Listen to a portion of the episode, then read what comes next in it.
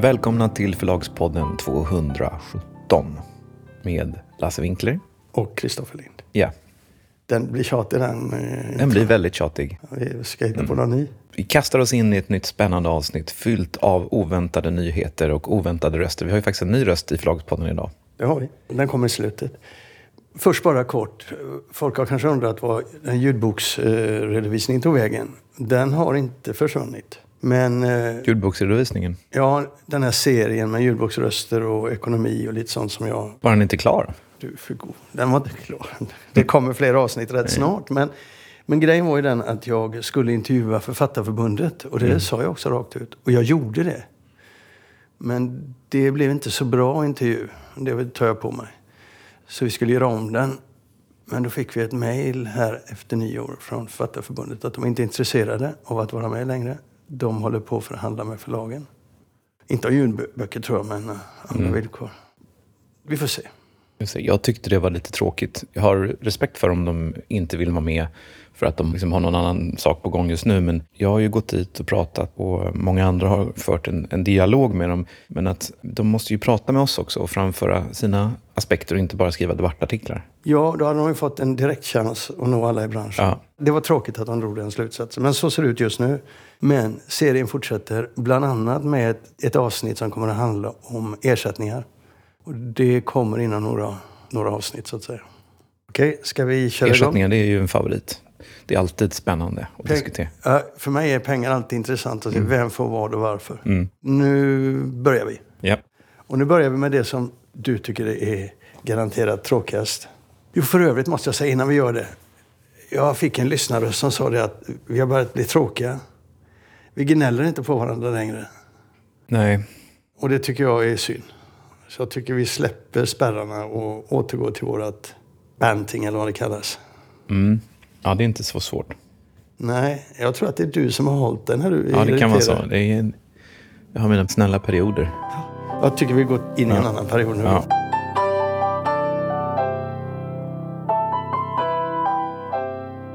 Nåväl, vi ska prata om vad som händer på förlaget. Mm, hmm, det är din favorit, ja just det. Ja. Eftersom det är du som är på förlaget och jag bara hälsar på ibland så kan väl du berätta lite. Vad händer just nu? ja, vad händer just nu? Det är ju alltid som så att det beror på vem på förlaget man frågar. Förläggarna har fullt upp med att läsa manus och jobba med manus och böcker som ska ut till sommaren. Redaktörerna också förstås. Snart är det dags att sälja in sommarens böcker. Jag tror vi börjar med det nästa vecka. Och sen så är det ju fullt upp med böcker som kommer. Vi jobbar med hösten också naturligtvis. Förläggarna tänker på hösten. Ja, det är klart, men så brukar, det, Det, brukar så du säga. det, Så. det beror lite grann på vem på förlaget, som, liksom, vems perspektiv man tar. Sen är det väl, vi summerade ju 2023 som ett väldigt bra år to- totalt sett. Och eh, januari har varit en väldigt bra månad hittills. Det är bra fart faktiskt. Det, men det är, jag känner mig som en papegoja. Det, är, det digitala går bra, pappret trögar. Mm. Men när jag frågade dig och föreslog att vi skulle prata lite om läget på, är Mm. så hade du en helt annan approach om man säger så. Ja, vad sa jag då? då? Nej, det händer inget här. Nej. Vi ger ut böcker. Jag vet ju, men så är det ju. Det är ju Ja, liksom det- så. Du, du, du tror att det händer saker, det gör det ju, men det är inte spännande. Jo, men det var spännande. Jag kom in här så tittade jag på böckerna Mm. som jag inte har sett då. Och det var lite spännande faktiskt. Det har kommit en ny bok i eh, Palmserien, den, den Ja, alltså det har, kommit, det har kommit två stycken eh, nya böcker i Palmserien. Varför det? Ja, för att det är en serie och den ska fortsätta och då fortsätter man med utgivning. Även om den inte säljer då? Ja, absolut. Vi vill inte att den där serien ska bli för populär. Det, det är liksom inte för alla, utan den vänder sig till finsmakare. Vi vill inte ha så mycket spring kring den serien. Och helst vill vi inte ha någon uppmärksamhet heller. Vi är mycket tacksamma för att DN håller låg profil. För att det här vill vi inte ska få så bred spridning.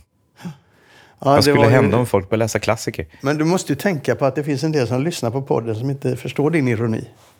Nu har du fått en del eh, recensioner dock. Ja, ja, det har vi inte av den, men eh, vi hade ju en annan bok när vi talade om recensioner. Vi, så hade vi ju en bok som eh, Sven-Ulrik Thomsens bok, Store Kungsgarde 23, som var en sån där succébok i Danmark. En fantastiskt liten fin essayistisk självbiografisk bok som handlar om hans liv, hans åldrande, men också om hans mor och hennes sjukdom och sådär.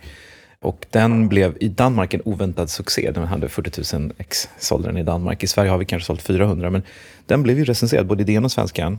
Men när recensionen kom så var ju böckerna redan på väg tillbaka från butik. Och det där är ju också en aspekt av litteraturkritiken, att även om du inte kanske kan förvänta dig eller ens vill att alla recensioner ska komma samtidigt på första recensionsdagen, så är det ju bra om, om recensionerna kommer när boken finns kvar i butik. För den, den blev som sagt recenserad, den blev en understreckare i svenskan och en jättefin recension av Jonas Tente i DN. Men det hjälper inte så mycket när ingen, ingen har boken kvar. Den finns ju på nätet förstås. Ja. ja, det där är nog en sak som de inte äh, tänker på. Det är ju inte deras uppgift att, att, sälja böcker och det är inte deras uppgift att eh, synka sina recensioner med vår marknadsavdelning. Men relevansen för, eh, i nyhetsvärdet och relevansen för att skriva om någonting blir ju mindre ju längre man väntar. Jag gissar att eh, det finns ju tusen skäl. Vi återkommer ju senare i det här inslaget till litteraturkritiken och så. Men det finns ju tusen skäl till varför en recension kommer senare. Det här får vi gräva i för det är väldigt intressant. Det var någon som sa att DN så alltså måste kulturdelen ungefär ha lika många sidor som A-delen. Och man kan behöva ta bort några recensioner om det kommer en annons. Eller man kan behöva, eh, om kriget i Ukraina byter ut så påverkar det. Om Sven-Bertil Taube dör så kanske man ställer hela kulturen. Så det, det finns ju fler förklaringar till att man drar ner på kulturen. Till att recensionen kan komma senare. Ibland så det, finns inte plats helt enkelt. Vad resonabel du har idag då? Yep. Men du, jag, när jag kom in här så såg jag en ny eh, bok av eh, Leo Tolstoj i översättning av Barbro Lundqvist. Ja. Den överraskade mig. Det hade jag inte en aning om att den skulle Alltså det är en ny utgåva. Det hade ju Murat av Leo Tolstoj. Den gav vi faktiskt ut i hennes nyöversättning för, ja det är tio år sedan, eller mer än tio år sedan är det. 2005 tror jag. jag ja, 2005. Det var i samband med Grosnykriget och sådär. Det är en lite bortglömd Tolstoj-roman som handlar om de ryska imperialistiska krigen på Kaukasus. När vi går ut den första gången hon översatte den så, så, tyckte hon att det var en, kanske den bästa eh, liksom kommentaren eller förklaringen till kriget i Tjetjenien. För det var liksom, man kunde se det som en fortsättning på de här tidigare krigen, och de här imperialistiska ambitionerna. Och i den första utgåvan så finns det ett väldigt kritiskt efterord där hon kritiserar Putin. Och det var ju ganska tidigt då att kritisera Putin på det sättet. Och nu så har ju på ett nästan otäckt vis så har ju hennes spådom har slagit in. Så att den kommer ut igen. Och nu med ett nyskrivet, ännu ett nyskrivet. Ja, det är två ja, det, efterord. Ja, det är två efterord där ja. hon säger, titta nu, vad var det jag sa? Och, och, hon menar då fortfarande att den här boken skildrar också liksom, meningslösheten i det här kriget. Det är ju ett blodbad varje dag som vi inte tänker på, där det dör fruktansvärt många, både ryssar och ukrainare, alldeles i onödan. Och den här krigets meningslöshet finns också beskrivet i Hadi Murat med en kort liten roman. -huh. Jag bara blev överraskad. Jag hade ingen aning om att den skulle komma ut. Men sen så såg jag en annan bok, en helt annorlunda bok. Och det var ju Ava Glass första bok i en serie om en underrättelseagent. Händelserna utspelar sig i London. Jag har läst den. Mm. Och det är en bladvändare av rang. Men tänkte jag, okej, okay, fungerar den i Sverige? Du frågade så varför ger vi ger ut den här? Ja. Då så svarade jag, vi ger ut den för att vi tycker att den är bra. Men här, vi har en översatt utgivning fortfarande och vi ger fortfarande ut underhållningslitteratur, deckare, thrillers i översättning. Vi har dragit, I papper? I, ja, i papper men i ljud också. Men det händer väl att de kommer i papper. Det, det, det beror lite på. Men vi, eh, vi gör ju det fortfarande. Vi har dragit ner på antalet men vi gör ju det. Och när man gör det så kan man få väldigt bra böcker. Sen vill folk inte läsa dem, men vi kämpar på som de tappra gallerna. Nej, men det är ju så. Det, det, kan vara liksom hur bra som helst. Det kan ha toppklass jämfört med vad svenskt som helst. Men nästan vad svenskt som helst går bättre. Ja, så är det Det är ju en väldigt... Eh, alltså, ja, det är väldigt eh, nedslående, men så är det ju. Ja. Men nu är det snart dessutom eh, bokmässa i London. Och då åker förlaget dit, alla utom du. Nej, inte alla, men det är några som åker. Ja. Och jag åker. Du åker. Mm. Yes. Det får vi återkomma till. Mm. Det är ju om eh, en och en halv månad ungefär. Vi släpper förlaget. Mm.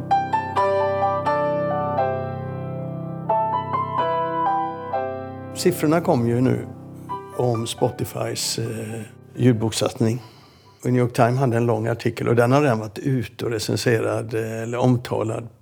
Boktugg, jag tror Svensk Bokhandel. Ja, den har tagits upp lite här och där. Alla var på den, utom vi då. Nu är det vår tur i alla fall. Hur reagerade du när du såg siffrorna? Alltså det är ju en otroligt starka siffror. Spotify tar en väldigt stor marknadsandel. På tre månader tar de 11 procent, ja, enligt New York Times. Ja, marknaden i sin helhet växte då med, i fjärde kvartalet i USA med 14 procent. Ja, med Spotify blir det 28 procent. Så det är ju en otroligt stark siffra och det visar ju på, på ett skrämmande sätt skulle jag säga, så visar det ju på kraften i Spotifys erbjudande och att Spotify kan om de vill, ta väldigt stora marknadsandelar och antagligen då inte bara i USA utan även i övriga världen. Sen visar det på en annan sak som, eh, det här var ju New York Times som rapporterade först. Och det här visar på en annan sak som, som också framkom i agenternas då, rädsla kring det här. De framför den kritik som vi ju haft i Sverige också, att man tycker att det är en fara i att det här konkurrerar ut den fysiska boken och man är rädd för att författarna ska få mindre betalt. Men vad det visar på just är det här att streaming kan göra att tillväxten ökar och att marknaden blir större. Det är ju det vi har sett i Norden. Att de här gamla erbjudandena med downloads och, och liksom att man köp, får en voucher och köper en bok här. Ja visst, det kan växa om du kommer med ett erbjudande som Spotify nu har varit först med i USA, att man kan lyssna på 15 timmar för, ja, i det här fallet då, vad man redan betalar för sin musik, så är det ett otroligt attraktivt erbjudande för konsumenten och det gör att, att tillväxten kan bara fullständigt explodera. Ja, när de tittar på det så säger de det, det är nya, såsom man också har sagt i Sverige, det är nya grupper utav eh, lyssnare, framförallt unga människor som går in där. Ja, de, det, det, var några som framförde den teorin och att det var många, att män var överviktade. Det låter ju också väldigt positivt om det kan stämma, men det, jag vet inte varför det, det skulle kunna vara så. Nej, men vad vi ser är ju konturerna av exakt samma debatt som har varit i Sverige. Ja, exakt samma. Sen hade de också i New York Times, så hade de, citerade de Spotifys chef för ljudbokssatsningen. Där säger han så här att ersättningarna de får, han markerar det ytterligare, är inte annorlunda än de de får från Audible och andra plattformar, Apple och så.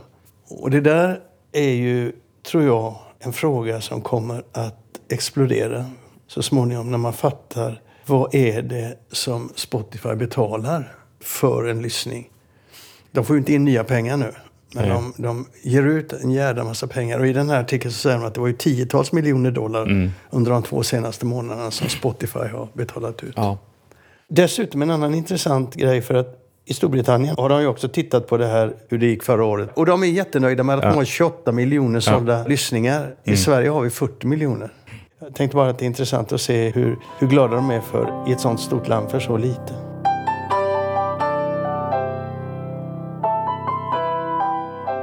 Nästa inslag då, det handlar ju om ett samtal jag hade med Steven Farrenlee på Polaris.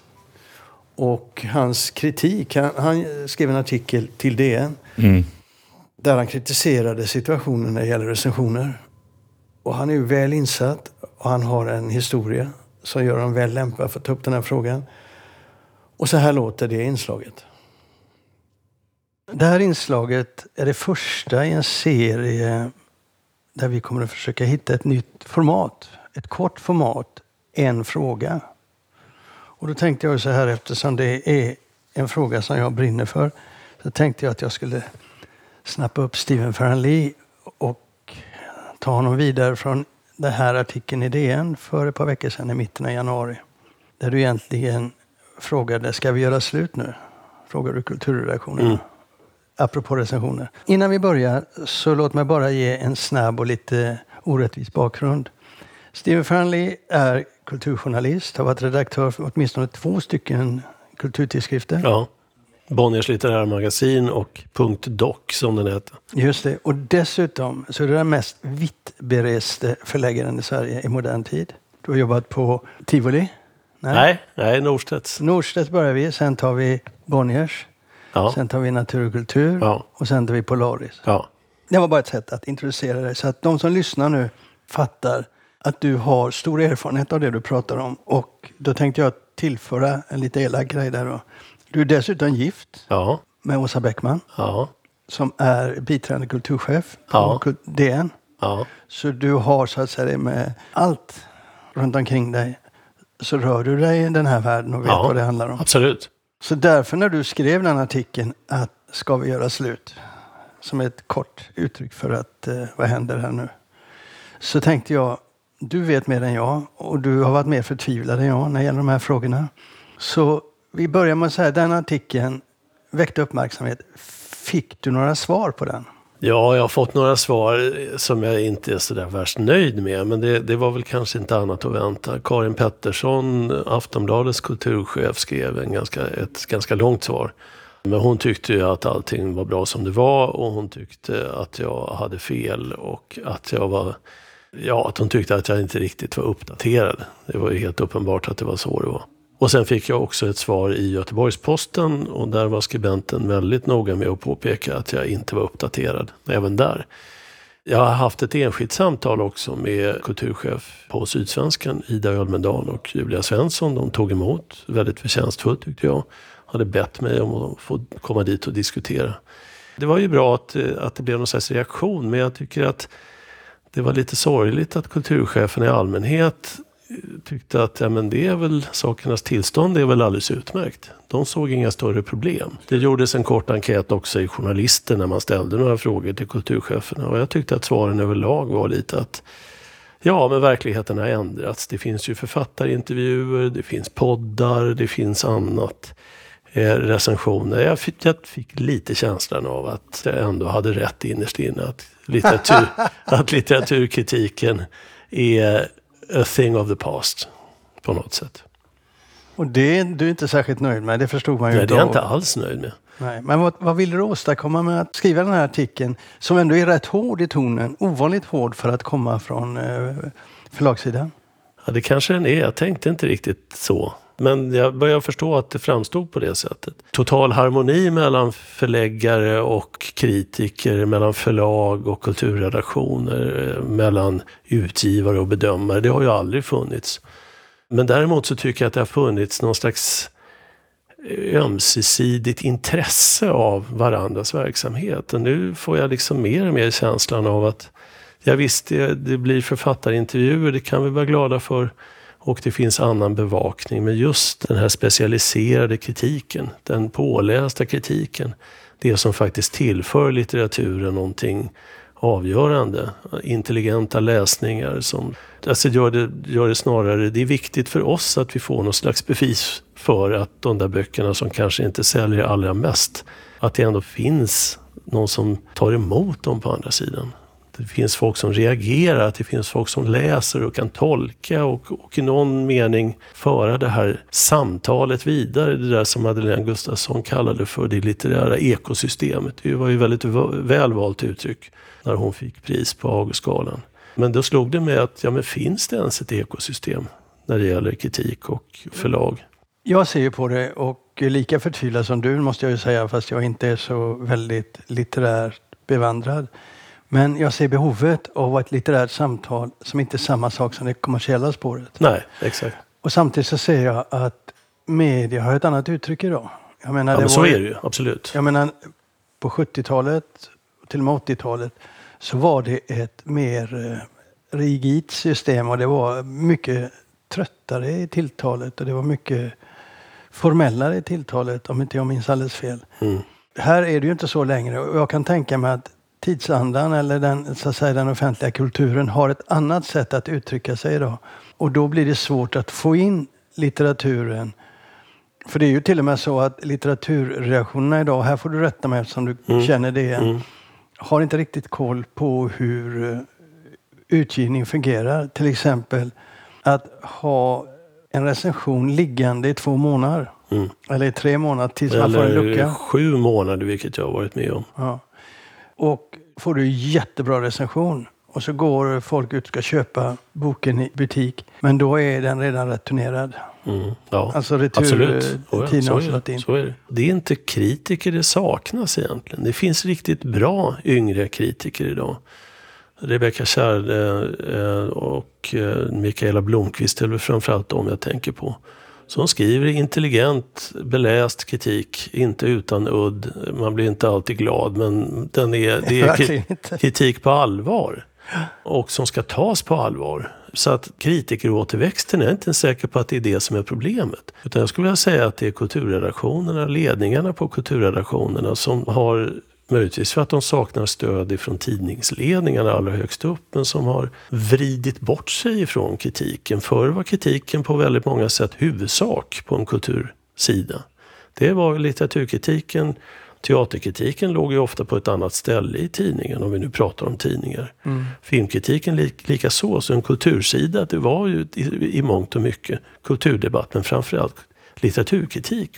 Mm. Och nu har den så att säga fått maka på sig. Den hamnar förvånansvärt ofta och jag pratar egentligen om att det är kvällstidningarna som har störst problem faktiskt. Den knuffas längre åt sidan, dyker den upp överhuvudtaget. Men där är det en klickbaserad eh, uppmärksamhetsekonomi. Jo, jag vet. Det där har jag fått höra nu när jag har, efter det här inlägget, att det är så det funkar. Och det visste jag ju redan innan.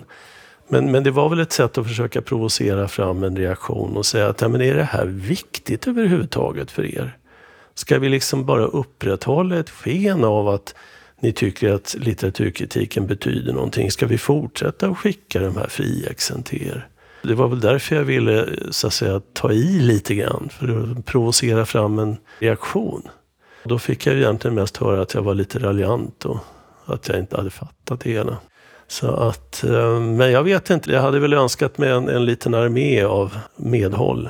Men det har jag inte riktigt fått. Men jag har ju fått utan att kunna nämna några namn. Nej, men en del kritiker som har hört av sig och säger att det här, tack för det, det var bra. Och då förstår man ju att, ja men om de tycker, kritikerna själva tycker att det här är ett problem. Då tycker jag bara att det förstärker min tes att det är på kulturredaktionernas ledningar eller allra högst upp i mediernas ledningar som Så det här. vad blir nästa steg nu? Ja, det vet jag inte. Jag funderar på att samla ihop mig och, och, och skriva en, något slags avslutande. Jag väntar väl kanske fortfarande på om det ska dyka upp några fler inlägg. Det tror jag ju inte riktigt. Men att försöka skriva något slags, åtminstone summera för mig själv. Så får vi se om det är någon som tar in det. Men, men eh, jag är både glad över att, att jag fick reaktioner och samtidigt så är jag väl kanske aningen besviken för att det inte gick så mycket längre. Men det är klart, jag har ifrågasatt det som kulturredaktionerna själva gör. Och det är klart att det var väl kanske naivt att tro att de ska säga, nej men du har en poäng. Vi kanske borde diskutera det här. Vi kanske, att det skulle starta en, en, en större debatt igen. Men du, nästa steg, vet du vad det blir? Nej. Det blir en debatt på Bokmässan där ni går åt varandra på ett upplyftande, eller på, säga, men på ett upplysande sätt. Mm. Så den här debatten hamnar mer ute bland folk. Ja, kanske. Men det, jag är väl eh, lite tveksam till att Bokmässan tycker att det är jättekul. Det tror jag inte. Tvärtom. Nu har de i alla fall fått meddelandet. Det går ut till alla Ja, listor. nej, jag ställer gärna upp. Bra, då har vi en punkt där. Tack. Tack själv.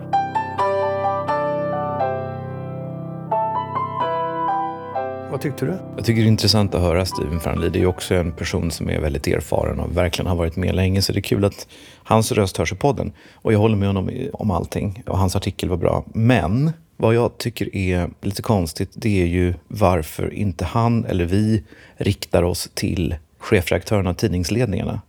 Därför vad kulturredaktörerna tycker är ju nästan ointressant. Det är ju inte de som bestämmer hur mycket utrymme som kulturen ska få. Och det är väl självklart att de tycker det här är jobbigt och det är självklart att de eh, liksom vill föra dialog och diskutera och så vidare.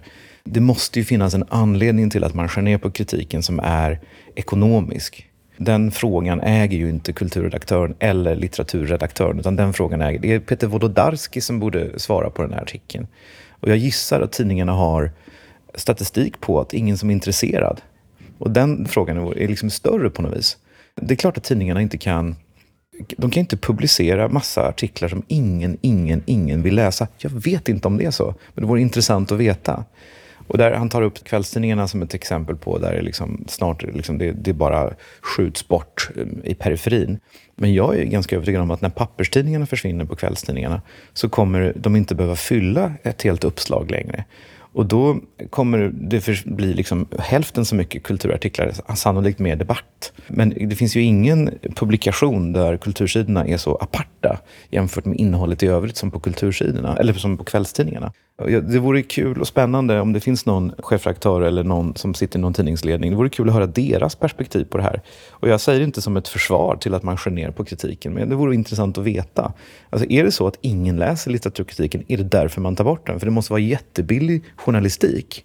Att ha liksom två recensioner på en hel sida, det måste ju kosta en tiondel av vad det kostar att ha nyhetsjournalistik på samma plats. Eller hur? Nej, jag är inte så säker på det. Därför att man kan fylla en sida med halvtuggade tankar och eh, Jo, men jag- tråkiga historier som inte kostar så mycket. Nej, men Mer litteratur- än tiden det tar att skriva ner dem. Jo, men litteraturkritiken är, litteraturkritikerna är väldigt ofta eh, fri, skrivna av frilansare och de får otroligt dåligt betalt. Det är klart att om alternativet är att fylla ut det med debattartiklar och liksom sånt som är gratis eller liksom kolumner av redan på tidningen anställa personer så kanske det blir billigare. Men det kan ju inte vara, det kan ju inte vara dyr eh, journalistik.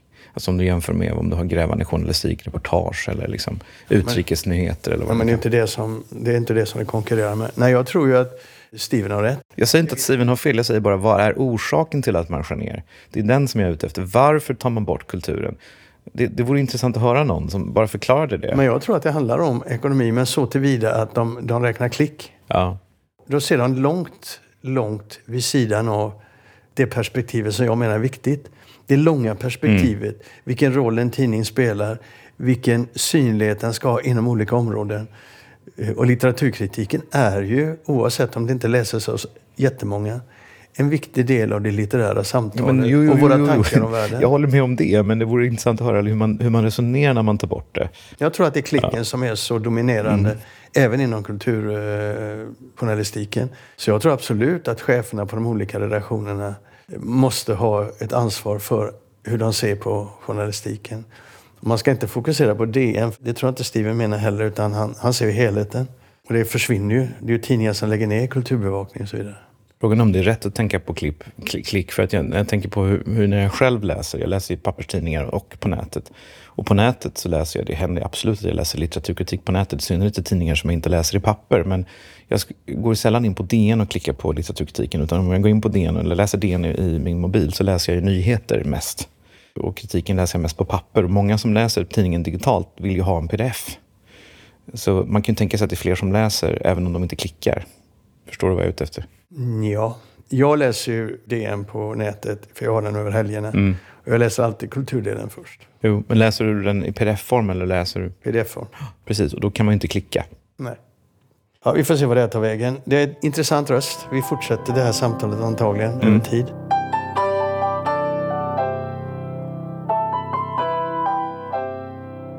Men det var allt Ja. för idag. Vi hörs nästa vecka. Hej då! Hej då!